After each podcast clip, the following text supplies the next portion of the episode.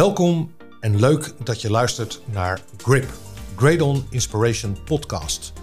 De podcast voor zakelijke inspiratie en Next Generation Intelligence. Met vandaag als thema zorgfraude. Even in het kort. Er zijn zeker 567 dubieuze zorgbedrijven in Nederland.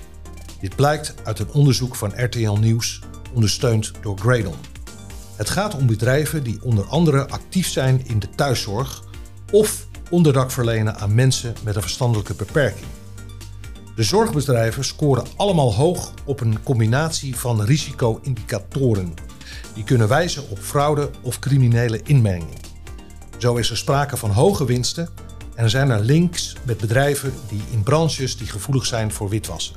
De zorgbedrijven scoren allemaal hoog op een combinatie van risicovolle indicatoren. Die kunnen wijzen op fraude of criminele inmenging. Zo is er sprake van hoge winsten. Er zijn er links met bedrijven in branches die gevoelig zijn voor witwassen. Experts reageren geschrokken op de omvang en de gevonden voorbeelden.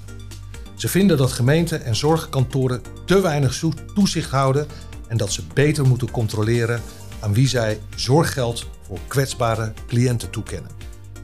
Op die vraag en andere vragen geven we vandaag antwoord. Mijn naam is Fred Jansen en de host van deze podcast. Naast mij in de studio zit John Swaap, Product Owner Analytics van Gradon. Leuk uh, om hier weer te zijn, uh, Fred. John, uh, ook weer welkom. vaste gast een beetje al. Hey John, persbericht RTL Nieuws. Gradon heeft meegewerkt aan de datakant. Waarom heeft Gradon dat eigenlijk gedaan? Dat is eigenlijk heel simpel. Dat een heel belangrijk maatschappelijk thema is. En dat is eigenlijk uh, de belangrijkste reden dat we hebben meegedaan. En omdat we al jaren gemeenten helpen met het vraagstuk. Oké, nou uh, duidelijk. Uh, mooi antwoord. ik, ik vind met name dat maatschappelijke vind ik erg belangrijk. Want het gaat natuurlijk toch om belastinggeld hoe je het went verkeerd. Ja, zeker. Hey, even een kijkje in, in jouw favoriete keuken, de analytics keuken. hoe hebben jullie dit aangepakt samen met RTL? Na RTL Nieuws uh, en wij zijn in gesprek met elkaar geraakt. Uh, vanuit het IKZ en het RIEK zijn een uh, aantal risico-indicatoren vastgesteld. Om precies te zijn acht.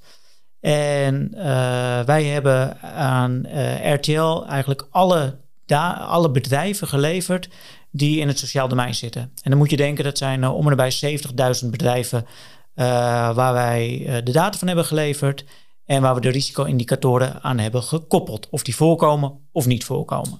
Oké. Hey, kan je een paar voorbeelden geven van die risicofactoren? Wat zijn dat voor factoren? Ja, zeker. Uh, nou, een hele bekende uh, zijn de hoge winsten bij zorgbedrijven, wat ja, eigenlijk niet, uh, niet zo hoort te zijn. Maar we kijken naar meer dan dat. je moet denken, we kijken naar het, het concernstructuur, dus het netwerk van bedrijven. mocht je bijvoorbeeld een zorgbedrijf zijn en in het netwerk zitten opvallende uh, sectoren die naar voren komen, ja, dan kan het ook een indicator zijn van mogelijke bedrijven die, uh, die zorgfraude willen of aan het plegen zijn. Oké, dus, dus we hebben dan die risicofactoren, uh, John. Maar, maar, hoe breng je dan dat in kaart? Hoe breng je het in beeld? Oké, nou, we hebben, eigenlijk, we hebben eigenlijk twee smaken, Fred. je moet het zo zien, gemiddeld hebben gemeenten ongeveer 300 zorgcontractanten. Dus zorgpartijen in hun portefeuille. En hoe je, zorg je er nou voor uh, dat eh, de zorgpartijen de juiste aandacht verdienen? Nou, wat doen we? Die partijen leveren de zorgpartijen aan ons aan.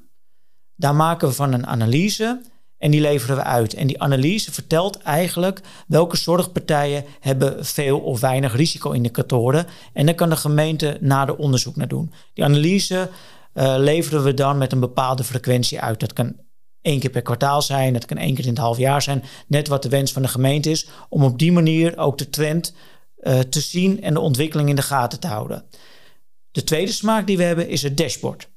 En het dashboard, dat, dan zit de gemeente aan het stuur. Dus de gemeente kan elke dag inloggen, die ziet zijn zorgcontractanten en die ziet welke uh, zorgpartijen daar voorkomen met bepaalde indicatoren.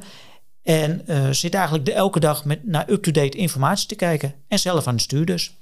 Dus als ik het goed begrijp, is dat echt real-time? Dat is real-time informatie. Oké. Hey, en, en dat dashboard, hè, wat, wat jullie nu uh, samen gemaakt hebben met uh, Navara, is dat, uh, is dat al, al, al beschikbaar? Kun, kunnen gemeenten daar informatie over aanvragen? Ja, dat is beschikbaar en wordt ook al gebruikt door, door een aantal gemeentes. Hey, en verschilt dat nou per gemeente, John? ik kan me voorstellen dat Simpelveld in het zuiden van Limburg anders is dan bijvoorbeeld Groningen of Amsterdam. Uh, de, de, er, zijn, er kunnen kleinere verschillen zijn. Het vraagstuk is over het algemeen wel hetzelfde.